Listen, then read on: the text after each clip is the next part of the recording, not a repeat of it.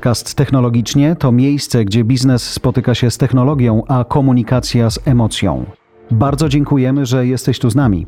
Nazywam się Jarosław Kuźniar i prowadzę podcast Technologicznie z Bartkiem Puckiem. Jego newsletter to duża dawka mądrej analizy. Zasubskrybujcie. Nasz podcast zresztą też. Bartek dzieli się tu swoją wiedzą, a ja dokładam moje doświadczenia z mediów i biznesu. W tym odcinku rozkładamy na czynniki pierwsze płatne newslettery. Z kim jak nie z Puckiem o tym rozmawiać? Ale wykorzystujemy także wiedzę zdobytą w czasie przedpodcastowych rozmów z Wami na Clubhouse. Jakie są trendy na świecie? Czy każda marka powinna mieć swój newsletter? Za ile? Jak? Kiedy? Posłuchajcie. Ten moment, kiedy przestajesz liczyć, który to już odcinek, to znaczy, że jesteśmy chyba na dobrej drodze do tego, żeby nigdy nie kończyć. Dzień dobry, szanowni słuchacze. Mamy nadzieję, że macie się dobrze, jesteście zdrowi i myślicie sobie, no wreszcie, byłem z nimi na Clubhouse, próbowałem być na Spaces, ale rwało. Czekałem na ten podcast, kiedy powiedzą mi, czy warto porwać się na płatne newsletter. Mam wrażenie, że sporo już o tym powiedzieliśmy, ale wciąż widzę, szczególnie po kolegach dziennikarzach, mnóstwo takich, którzy wątpią i jednocześnie pytają, żyjąc nadzieją, że to może im dać niezależność. Na ile dzisiaj to jest dobre rozwiązanie dla tych, którzy chcą niezależnie tworzyć dobre treści? Zrobimy szybki kurs tworzenia newslettera. Dobrze, zapisuję się. Uwaga, uwaga, www.dobrynewsletter.pl Dzisiaj, jeżeli spojrzysz na popularność newsletterów, to możemy w zasadzie pomyśleć o dwóch obozach. Pierwszy obóz to osoby myślące, po co mi kolejny newsletter w mojej skrzynce, ponieważ otrzymujemy I tak je bardzo, czytam, i tak nie bardzo otwieram. I tak ich nie czytam, i tak ich nie otwieram. Coś znowu chcą sprzedać. Z drugiej strony jest szereg osób, które coraz więcej z powodu treści, które pojawiają się w social mediach, ilości informacji, decyduje się konsumować właśnie newslettery ze względu na to, że są w stanie zbudować relacje z jednej strony z odbiorcą, czyli jako twórca treści, który publikuje je i udostępnia i wysyła do czyjejś skrzynki pocztowej, z drugiej strony jako odbiorca otrzymujemy e, informacje od kogoś, kogo subskrybujemy, czyli ufamy, że ta treść będzie dobra i dla nas interesująca, pozwalamy na dostęp do naszej e, skrzynki i czytamy wtedy, kiedy chcemy. Oczywiście konkurujemy nadal z wszelkimi innymi dystrakcjami, mediami, Netflixami, social mediami oraz z innymi mailami w skrzynce pocztowej. Wczoraj pojawił się taki raport y, niejakiego Edelman, Annual Trust Survey. Social media companies are the least trusted business category. Czyli ufamy im najmniej, jak to jest możliwe. Pytanie tylko, czy newsletter płatny, w którym zakładam, mniej muszę sprawdzać, prawda czy fałsz, jest rozwiązaniem. Jeżeli newsletter e, nie będzie miejscem, które budzi zaufanie, to czytelnik po prostu go odsubskrybuje. To jest najprostsza e, technika. Po prostu dziękujemy za e, subskrypcję tego typu autorowi i stwierdzamy, nas te treści już nie interesują, albo nie jesteśmy nimi e, nie tylko zainteresowani, ale również na przykład uważamy, że są na niskim poziomie albo e, nie mamy również na nie czasu. I tak naprawdę newslettery dzisiaj możemy podzielić na dwa rodzaje, te, czyli te, które wpadają e, do naszej skrzynki. Oczywiście oprócz newsletterów reklamowych, to możemy Mhm. odsunąć na bok, jest to Szczęśliwie pojawił się katalog oferty. Myślę sobie, to Tak. tam Pucka nie szukaj, czy innych newsletterów. Choć swoją drogą o tym też pogadajmy, y, zapamiętajmy ten wątek na koniec. Co zrobić, żeby właśnie nie być traktowanym jak oferta. Mhm. Ale to, to technologiczna sprawa na koniec. Są trzy rodzaje newsletterów. Newslettery darmowe, czyli takie, które po prostu wpadają do naszej skrzynki po tym, jak się zapiszemy za darmo. Są tak zwane low price subscriptions, czyli newslettery, które są subskrypcjami o niskiej e, cenie e, miesięcznej lub rocznej. One zazwyczaj oscylują w okolicach 5 do 15 dolarów, czasami 20 dolarów e, miesięcznie. I high price subscriptions to są takie, które mogą kosztować kilkaset bądź kilka tysięcy dolarów miesięcznie. Wysoce specjalistyczne. Pogadajmy po kolei o nich. Te za darmo rozumiem, że wykorzystywane są też przez marki, które dzisiaj widzą, że socialami nie są w stanie wszystkiego opowiedzieć. Więc zbierają sobie taką grupę potencjalnych klientów, czy fanów marki, czy społeczności, która dzięki temu popraw mnie, jeśli, jeśli się mylę, czuje, myśli, wierzy, że będzie bliżej z tą marką i będzie w stanie przekazywać treści dłuższe niż 140 znaków, czasem może pogłębione i będzie w stanie kanalizować tą swoją komunikację. I wtedy za to płacić nie muszę, ale mogę wiedzieć pierwszy, co u marki słychać. Trzeba pamiętać, że dla każdej marki rzeczą nadrzędną jest bycie właścicielem relacji z czytelnikiem, z konsumentem, z klientem. Czyli przypadku... jak wykorzystuję platformę do wysłania newslettera, mniej mnie to boli, bo, bo tak naprawdę to jest mój newsletter, to jest tylko narzędzie dla mnie, inaczej niż z treścią twitterową, facebookową Dokładnie czy LinkedInową. tak. Tym bardziej, że w treściach social mediowych, które oczywiście są istotne z punktu widzenia skali dystrybucji, czyli one nam zapewniają szerokie dotarcie do e, odbiorców, niezależnie od tego, czy to jest konsument, czy to jest B2B. E, z drugiej strony jesteśmy uzależnieni wtedy od tych platform, od algorytmów, czyli nie budujemy wartości długotrwałej dla siebie, budujemy wartość krótkotrwałą, czyli próbujemy dotrzeć do naszego e, odbiorcy w ramach tych platform social mediowych, natomiast na koniec dnia nie budujemy tej relacji. I newslettery darmowe pozwalają na rozpoczęcie tego dialogu z czytelnikiem, klientem poprzez subskrypcję tego newslettera. I oczywiście to jest dopiero początek drogi, ponieważ to w jaki sposób będziemy budować tą relację, w jaki sposób będziemy utrzymywać tą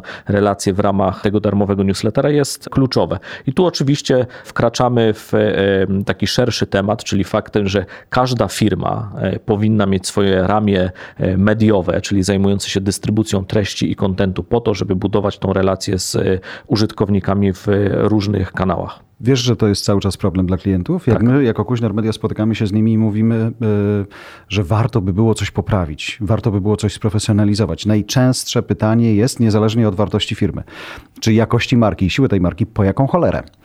Bo to jest koszt dodatkowy, bo nagle się okazuje, że poza samym LinkedInem, czy tam, nie wiem, Instagramem warto jeszcze zadbać o inne kanały, bo tam też może być potencjalnie jakaś ciekawa grupa docelowa. I nagle okazuje się rzeczywiście, że masz całą dywizję mediową, że musisz mieć kogoś, kto ma, właściwie jest szefem redakcji, y, kto ci pozwala te treści wytworzyć, to kosztuje, y, wydystrybuować, zaangażować tą publiczność, nie zostawiać tego tylko, ale podjąć tą rozmowę, cały czas to jest trudne. Każda firma, i tu mogę powiedzieć bardzo jasno, która na dzień dzisiejszy nie ma swojego ramienia mediowego i nie tworzy angażujących treści i nie buduje tej relacji ze swoimi klientami bezpośrednio, po prostu popełnia błąd.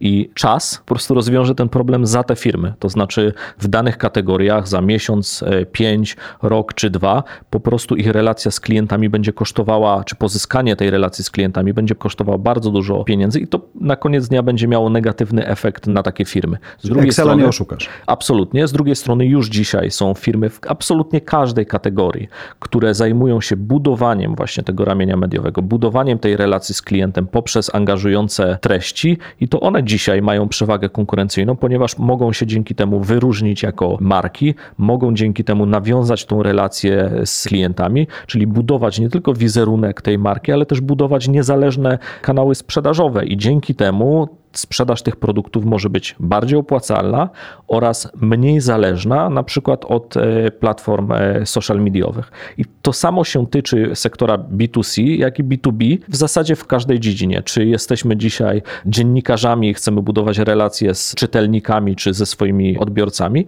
ale również jak jesteśmy, nie wiem, software house'em, który produkuje oprogramowanie i chce nawiązać relacje z firmami, które te oprogramowanie potrzebują zbudować w danych dziedzinach. No, coraz więcej widzę zresztą i też y, słyszałem od partnerów z, z LinkedIn, że w tą stronę to będzie szło, czyli profesjonalizacja kontentu, y, jego jeszcze większa digitalizacja, sprawienie, żeby ten kontent żył, to znaczy, żeby to już nie były tylko zdjęcia, grafiki, ale żeby to było coraz bardziej wideo. Jak wideo, to trochę lepiej oświetlone, udźwiękowione i tak dalej, i tak dalej. Jasne, że to kosztuje, ale jednocześnie, jeżeli nasza marka jest warta X, no to super, żeby jej komunikacja, czy ta, ta dywizja mediowa dowoziła kontent na poziomie X. Minimum Oczywiście. na poziomie X, prawda?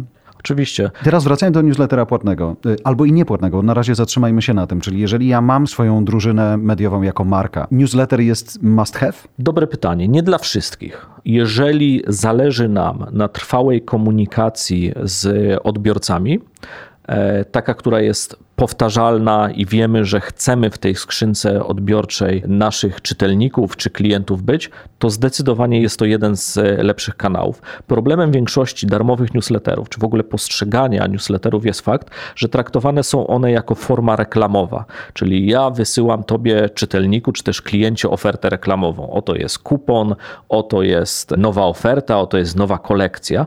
Natomiast nie dostarczają one wartości w rozumieniu na przykład wiedzy albo w rozumieniu jakiegoś rozwiązania problemu dla czytelnika i to jest jeden z powodów, dla którego większość newsletterów jest traktowana po prostu jako reklama i jako zaśmiecanie skrzynki pocztowej i to z jednej strony jest złe, a z drugiej strony dobre. Dobre dlatego, że pozwala dobrym newsletterom łatwiej się wyróżnić e, w gronie wszystkiego, co złe i co otrzymujemy w tej skrzynce odbiorczej. Ale rozumiem, przypomina mi się cały czas i też pokazuję go często jako przykład, e, zakładkę blog na stronie Virgin, gdzie niejaki Richard Branson, jeden z najbiedniejszych ludzi świata, uznał swego czasu, że on już e, ma gdzieś wysyłanie newsletterów out i in, bo jeśli on pokaże w swoich kanałach social mediowych, czy to będzie LinkedIn, Twitter czy Facebook, co u niego słychać, to ludzie będą wiedzieli, jak żyje, co go inspiruje i z tego sobie wyciągną wniosek. Ale to było jeszcze przed tym, wydaje mi się, jak newslettery wróciły do łask, bo był taki moment, kiedy dostały wciry niesamowite, bo wiadomo było, że to jest po prostu spam. Newsletter równa się spam. Dzisiaj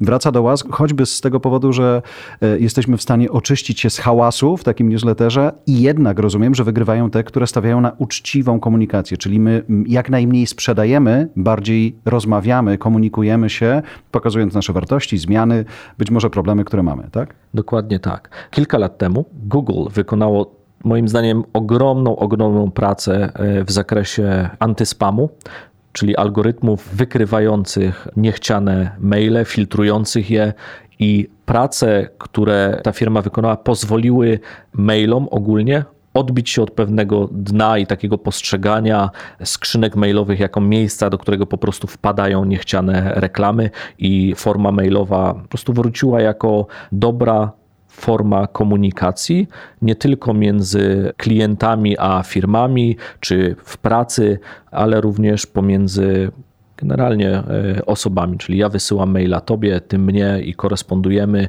To, co się wydarzyło dzięki tym zmianom Google'a, to po prostu oczyszczenie tych skrzynek z tych niechcianych maili, ale też ich grupowanie właśnie na tak zwane oferty albo promocje i inne maile. To prawda, choć y, dziś jestem na etapie przygotowywania specjalnego newslettera z najciekawszymi audycjami audio dla Voice House i to, ile my się musimy napracować z naszymi informatykami, żeby one właśnie nie trafiały do spamu, że my musimy udowadniać każdemu, że nie chcemy źle. Tak. To nie jest łatwe. To jest Szczególnie, z... że co system pocztowy to inaczej. Absolutnie. Tu myślę, że musimy rozgraniczyć dwie rzeczy. Po pierwsze, sposób tworzenia i obsługi e-maili przez polskich dostawców poczty odbiega znacząco jakością od tego, co jest e, w zakresie zagranicznych e, dostawców.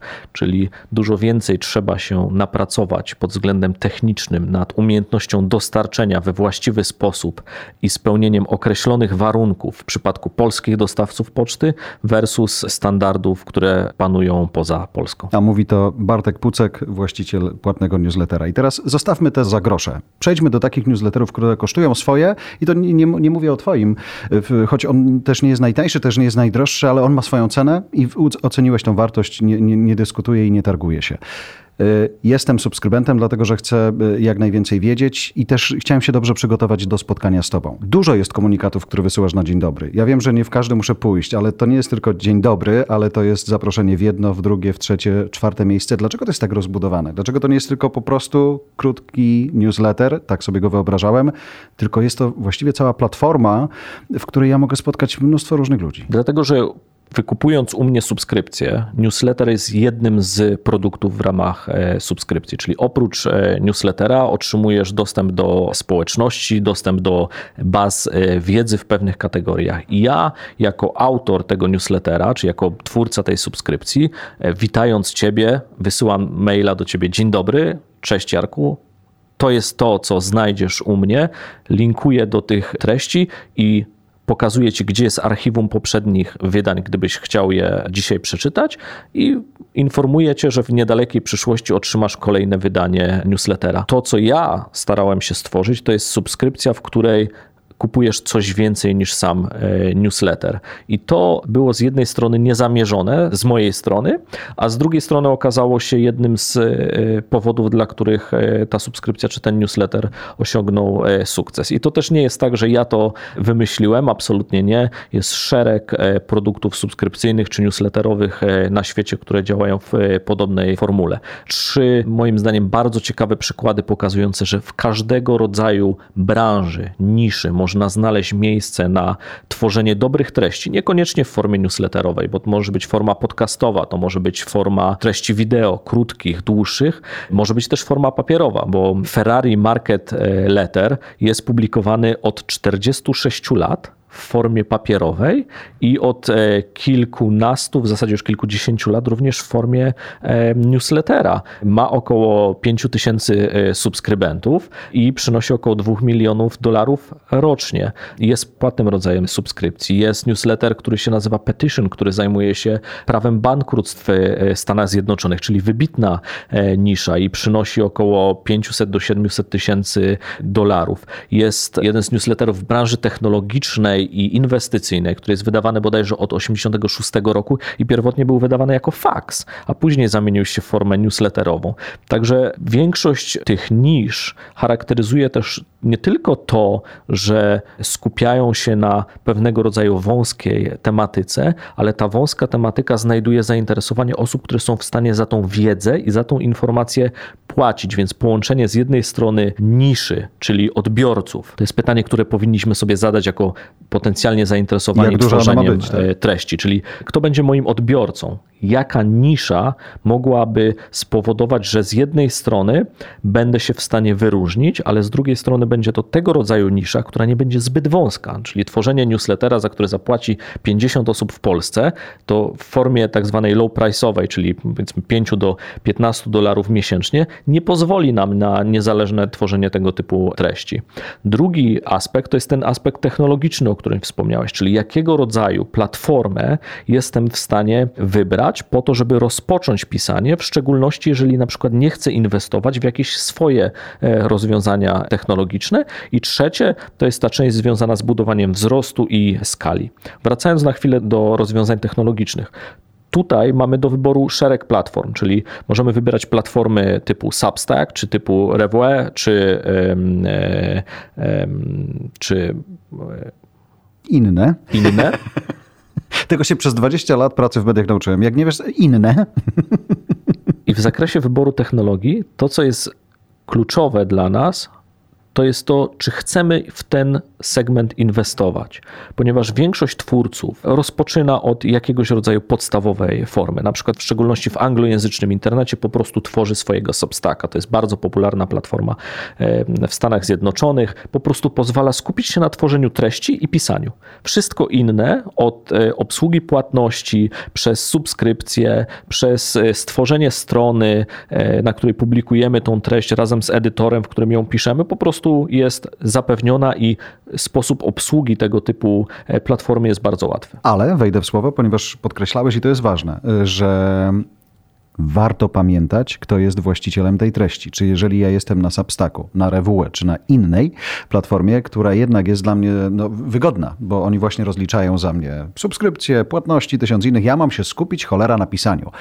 To, czy to jest kuźniara, pucka, czy to jest rewue, czy to jest y, substakowe? To jest z jednej strony twoje, bo w każdej chwili możesz te treści zabrać z tej platformy, wyeksportować je i przenieść w inne miejsce razem z bazą swoich subskrybentów, ale z drugiej strony, działając pod adresem kuźniar.substack.com na przykład, jesteś tak naprawdę jedną z osób, które promują platformę, w tym przypadku substackową. I dzisiaj, jeżeli chodzi o konkretnie Substack, szereg osób subskrybuje zdecydowanie więcej niż jeden newsletter właśnie tam, czyli kilkadziesiąt, a niektórzy nawet kilkaset, czyli wśród czytelników albo wśród osób korzystających z internetu i subskrybujących newsletter, w szczególności w tej części anglojęzycznej, jest wiele osób, które subskrybuje więcej niż jeden e, Substack, więc tak naprawdę są to osoby, które jeśli widzą markę Substacka, to wiedzą, że mogą tam zasubskrybować, ponieważ znają tą platformę, ale też wiedzą, że w łatwy sposób mogą na przykład odsubskrybować dany newsletter. Czyli jest już tam tak, że jak ja wpadnę sobie na Substacka i mam nagle mm, ileś możliwości wyboru treści czy y, newsletterów, to już algorytm podpowiada mi, że jeżeli y, zasubskrybowałeś Pucka, on ma taką i taką treść, to słuchaj, ktoś inny ma taką podobną, która może dodać ci trochę wiedzy, więc dzięki temu ja właśnie będąc tam zyskuję publicity? To jest właśnie ta różnica pomiędzy Substackiem a e, platformami socialowymi, że Substack tego nie robi. Ma okay. swój ranking najpopularniejszych newsletterów w określonych kategoriach, ale absolutnie nie sugeruje ci tego typu treści. Jest platformą dla twórców, e, w których ty jako twórca masz relacje ze swoimi czytelnikami i Substack w to nie ingeruje. Substack akurat jako platforma stara się przyciągać twórców, w szczególności związanych z branżą mediową, dziennikarzy, po to, żeby tworzyć treści w ramach ich platformy. I mamy tu do czynienia z dwoma trendami. Z jednej strony mamy do czynienia z osobami, które na przykład zaczynają publikować swoje treści na Substacku i mogą to być albo dziennikarze, którzy odchodzą e, ze swoich redakcji, albo twórcy w e, określonych e, niszach, którzy zaczynają tworzyć interesujące treści, a z drugiej strony, jeżeli już nasza publikacja na przysłowiowym Substacku, czyli nasz newsletter osiągnie pewną skalę, ci najpopularniejsi twórcy odchodzą z Substacka i zaczynają tworzyć swoje niezależne platformy w ramach swojej subskrypcji, w ramach swojego newslettera. Jest to oczywiście związane z tym, że e, Substack pobiera prowizję od płatności, czyli od subskrypcji i w pewnym momencie, jeżeli mamy do czynienia na przykład z nie wiem, milionem dolarów przychodów rocznie, to te przysłowiowe 100 tysięcy, które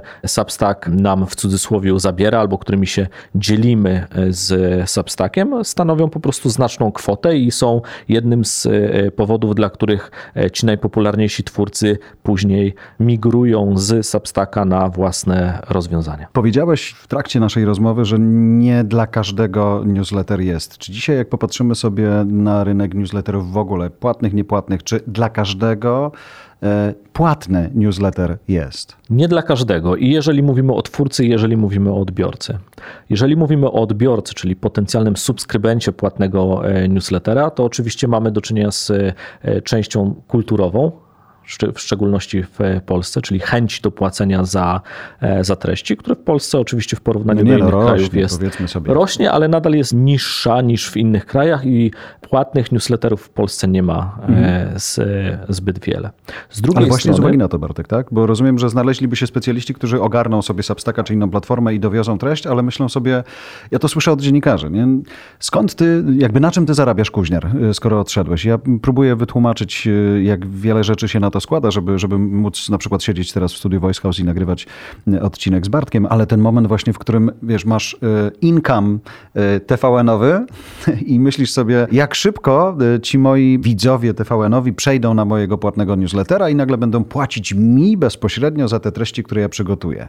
No i umówmy się, nikt tego nie wie, po pierwsze, to jest to, to sprawdzam, które zawsze jest ryzykiem. Jak odchodzisz z korporacji, skądkolwiek, Absolutnie. na ile ta wiarygodność widza będzie prawdziwa? To jest ryzyko biznesowe i to jest zawsze pytanie o to, jakiego rodzaju relacje zbudowaliśmy sobie z e, widzami, czytelnikami, e, będąc e, na przykład dziennikarzem. Z drugiej strony trzeba pamiętać, że przejście na model pełnopłatny, czyli na model subskrypcyjny w przypadku newsletterów jest dopiero drugim krokiem. Większość newsletterów, w tym mój, rozpoczynała swoją drogę jako newslettery bezpłatne. Ale najpierw. chciałeś zbudować zaufanie? Pokazać, co masz i za co będziesz chciał wziąć kiedyś pieniądze? Ja przede wszystkim najpierw chciałem dzielić się wiedzą.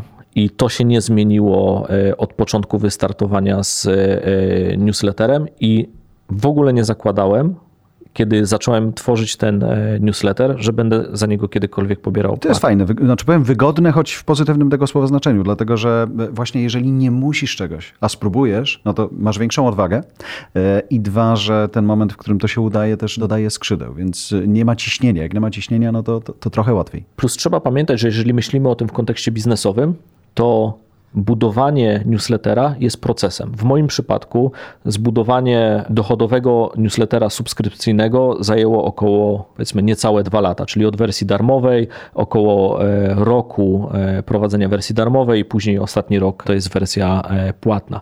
Większość newsletterów, jeżeli spojrzymy na najpopularniejsze newslettery, w szczególności w tej części anglojęzycznej, rozpoczyna jako bezpłatne newslettery, po to, żeby zbudować skalę, tworzyć atrakcyjne, angażujące dobre treści, które później są w skuteczny sposób dystrybuowane w social mediach są polecane przez inne osoby, są e, dobrze tworzone e, na przykład do dystrybucji na Twitterze i dzięki temu pozyskujemy nowych subskrybentów. I pozyskując tych nowych subskrybentów, ich skala z każdą dobrą publikacją, a nie każda publikacja będzie dobra, więc trzeba też umiejętnie tworzyć te treści, dzieląc się nimi w ramach niszy. One muszą być angażujące, one muszą być e, dobre merytorycznie, one muszą budzić ciekawość oraz chęć do dzielenia się tą wiedzą z innymi przez czytelników e, w social mediach. Mój newsletter e, jest czy moi subskrybenci w całości podchodzą z polecania przez inne osoby, czyli obecni czytelnicy polecają kolejnym osobom i ci zaczynają e, subskrybować e, newsletter. Ale z drugiej strony komunikacja twoja. Ograniczamy się dzisiaj do Bartka, choć wychodzimy też poza Pucka szczęśliwie, dlatego że mamy po prostu case i tak jak Bartek mówi, tych płatnych newsletterów w Polsce za dużo nie ma, więc też nie ma sensu, żebyśmy szukali i, i posiłkowali się kimś innym, jeżeli możemy to zweryfikować sobie w studiu na żywym organizmie. Ten moment, w którym ty nie zachęcasz w sumie, jak patrzę na Twoje kanały, do tego, żeby subskrybować, subskrybować, subskrybować, nawet nie używasz słowa subskrybować, w ogóle o płaceniu y, nie wspominasz, dzielisz się tą wiedzą albo przynajmniej spisem treści tego newslettera, licząc na to, że przyjdą lub nie. Tak. Okej, okay, ale jesteś cały czas winnerem. Tak.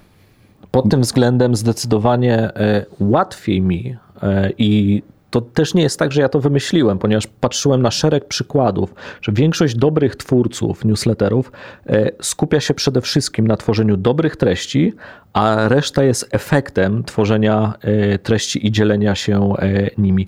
Najpopularniejsze newslettery zaczynają się od formy darmowej, budują skalę. Czasami ta skala w przypadku niezależnych twórców oznacza e, kilka czy kilkanaście newsletterów, e, które pozwalają e, zyskać kilkanaście czy kilkadziesiąt tysięcy subskrybentów, a z drugiej strony trzeba też pamiętać, że nie zawsze wygląda to tak różowo, ponieważ Morning Brew, czyli popularny amerykański codzienny newsletter, czekał około trzech lat na pierwszą falę monetyzacji, czyli od tam bodajże 2015 roku do 2018 roku praktycznie e, bez przychodów, ale od 2018 roku do 2020 roku razem ze skalą wzrostu e, subskrybentów bezpłatnego newslettera zaczęli pojawiać się reklamodawcy i sponsorzy i w 2020 roku e, około 20 milionów dolarów przychodów, około 8 milionów dolarów zysku i umiejętne komunikowanie swojej marki, umiejętna publikacja treści. Co ciekawe, w przypadku Morning Brew to są treści e, newsowe. E, to nie są e, wysoce merytoryczne treści, ale, ale rozumiem, okraszone... że tam się liczy sposób, w jaki to jest napisane. Tak. Nie? tak jak, jak patrzę Styl... sobie... Mhm styl, sposób komunikacji to jest coś, co wyróżniło Morning Brew e, na rynku. Ale z drugiej strony mamy Morning Brew dzisiaj kupione przez Axla Riniera Springera, który kupił kiedyś Business Insidera. Business Insider też na tle innych biznesowych pism wyróżniał się bardziej językiem. Tym, że nie wiem, jest to prostsze, jest to niby inside pisane z, z zewnątrz. Wydaje się, że właśnie to, to powinno być naturalne, że nawet trudne czasem case'y biznesowe jesteśmy w stanie podać tak, jak na niejednej scenie TEDowej, tak żeby on one były ciekawe dla, dla, dla tych, którzy nawet bardzo głęboko w tym nie siedzą. Wydaje się prosta recepta, ale rzeczywiście im się udała. Wierzą i przekonują, że dzisiaj, mimo że zostali kupieni przez giganta, mają sporo niezależności, no ale udało im się jedno. Nie wiem, czy to właśnie przez ten język, że ich open rate jest y, gigantyczny. To Zgoda. sprzedają zresztą. Nie? I pod względem technologicznym, i pod względem tego, w jaki sposób te treści są pisane, sprawiają, że ten open rate, e, czyli ilość otwarć maila przez e, użytkownika jest e, bardzo wysoka. To jest w ogóle jeden z najważniejszych wyróżników jakościowych newsletterów, jak wiele osób otwiera i jak wiele razy otwiera.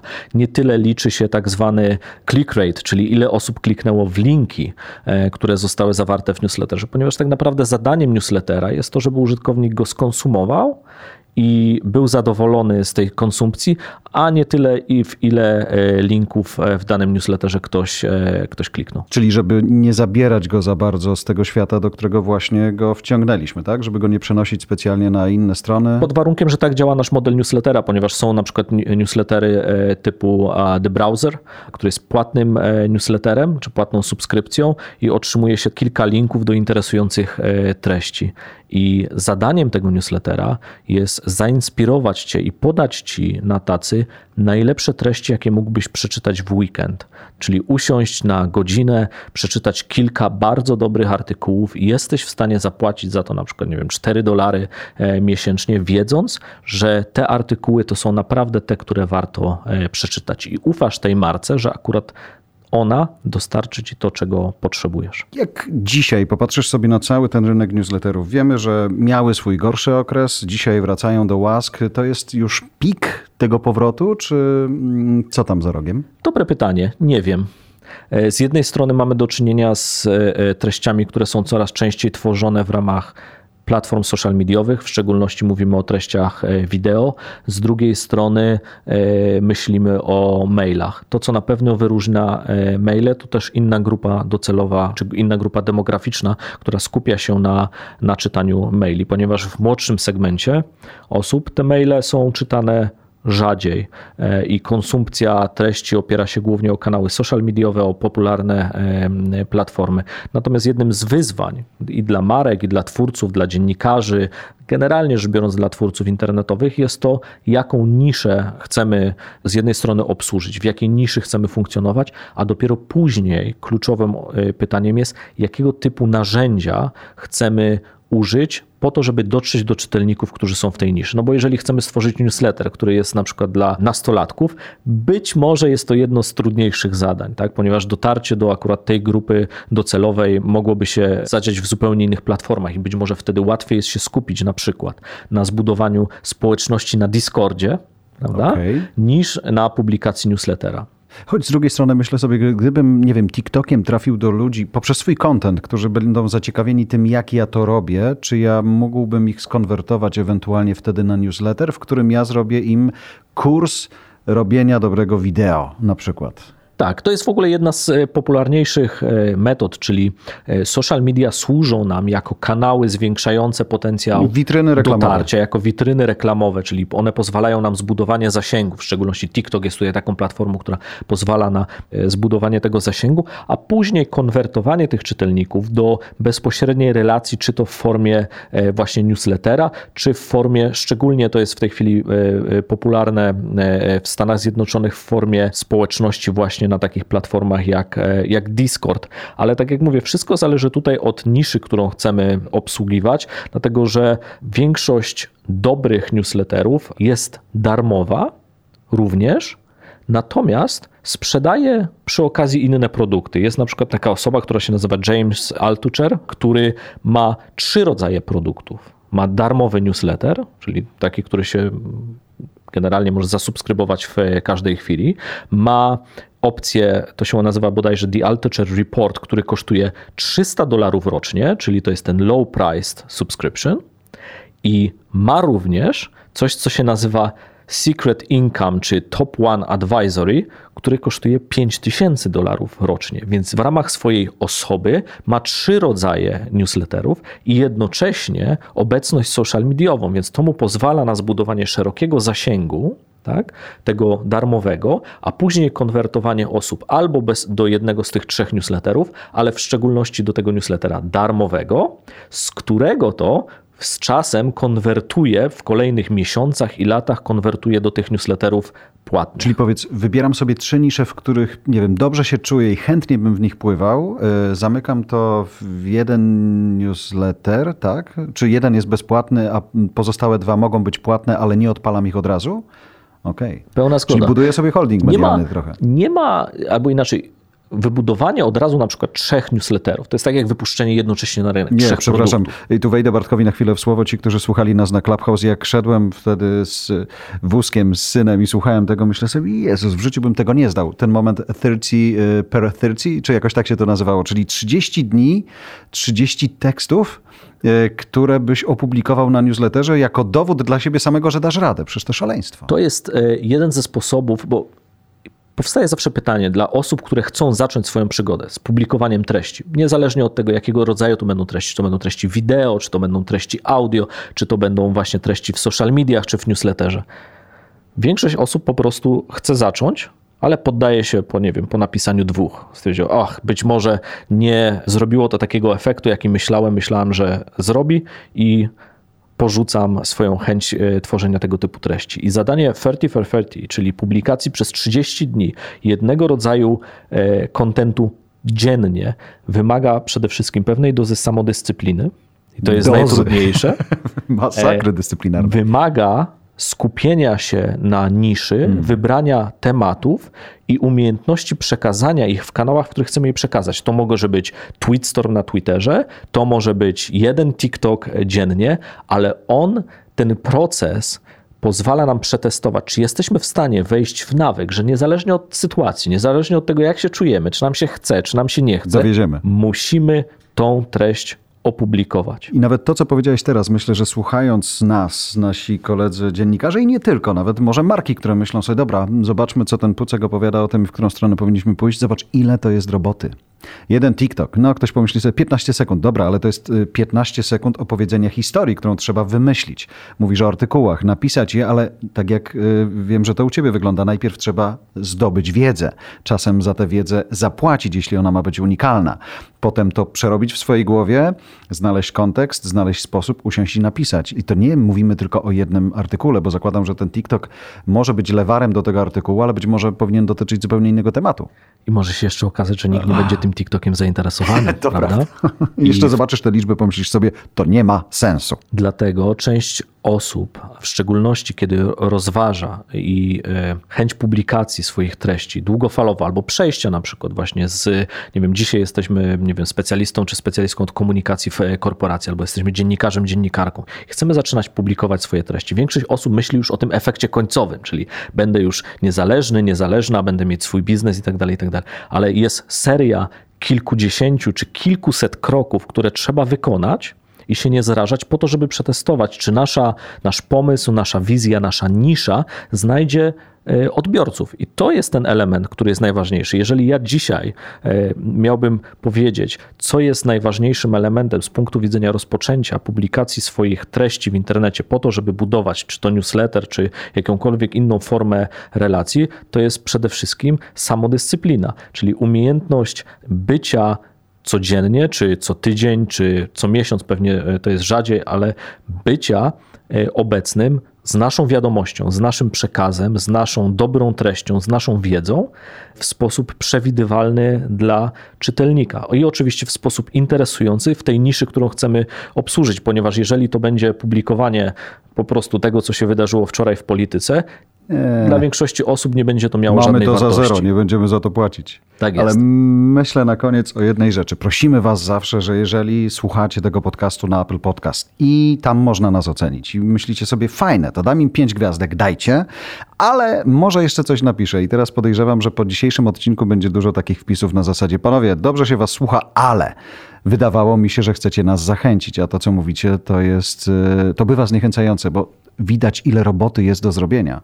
No, ale z drugiej strony my mówimy też o pieniądzach, które mają za to przyjść, więc nie mówimy o pracy za darmo. To jest tak jak w każdej innej dziedzinie. Czy mówimy o sporcie, czy mówimy o biznesie, czy mówimy o produkowaniu e, i tworzeniu e, treści.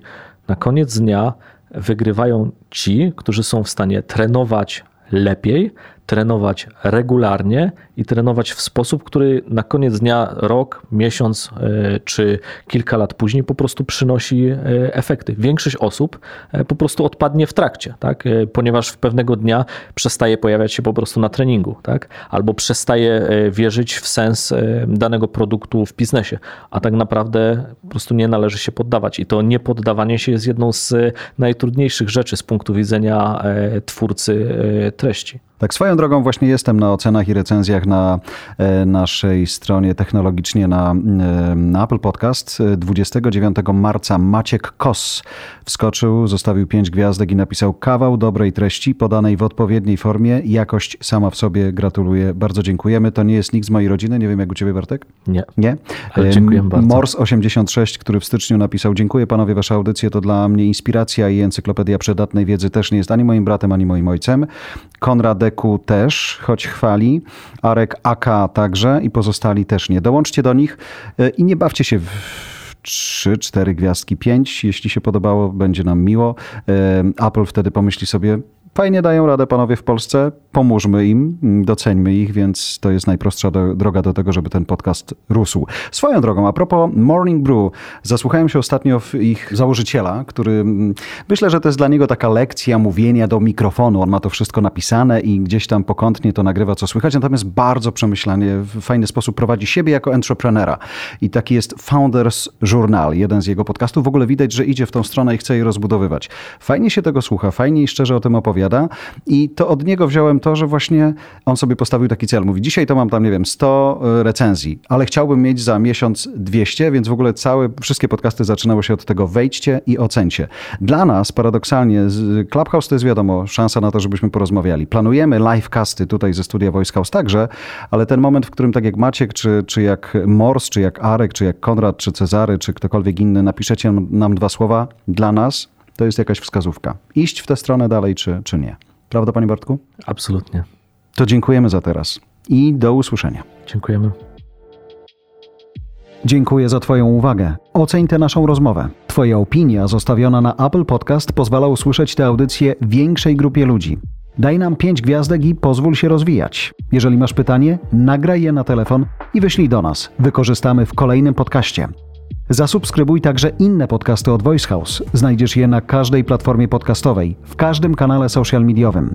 Zapraszam także na stronę Voice House po więcej dobrej treści.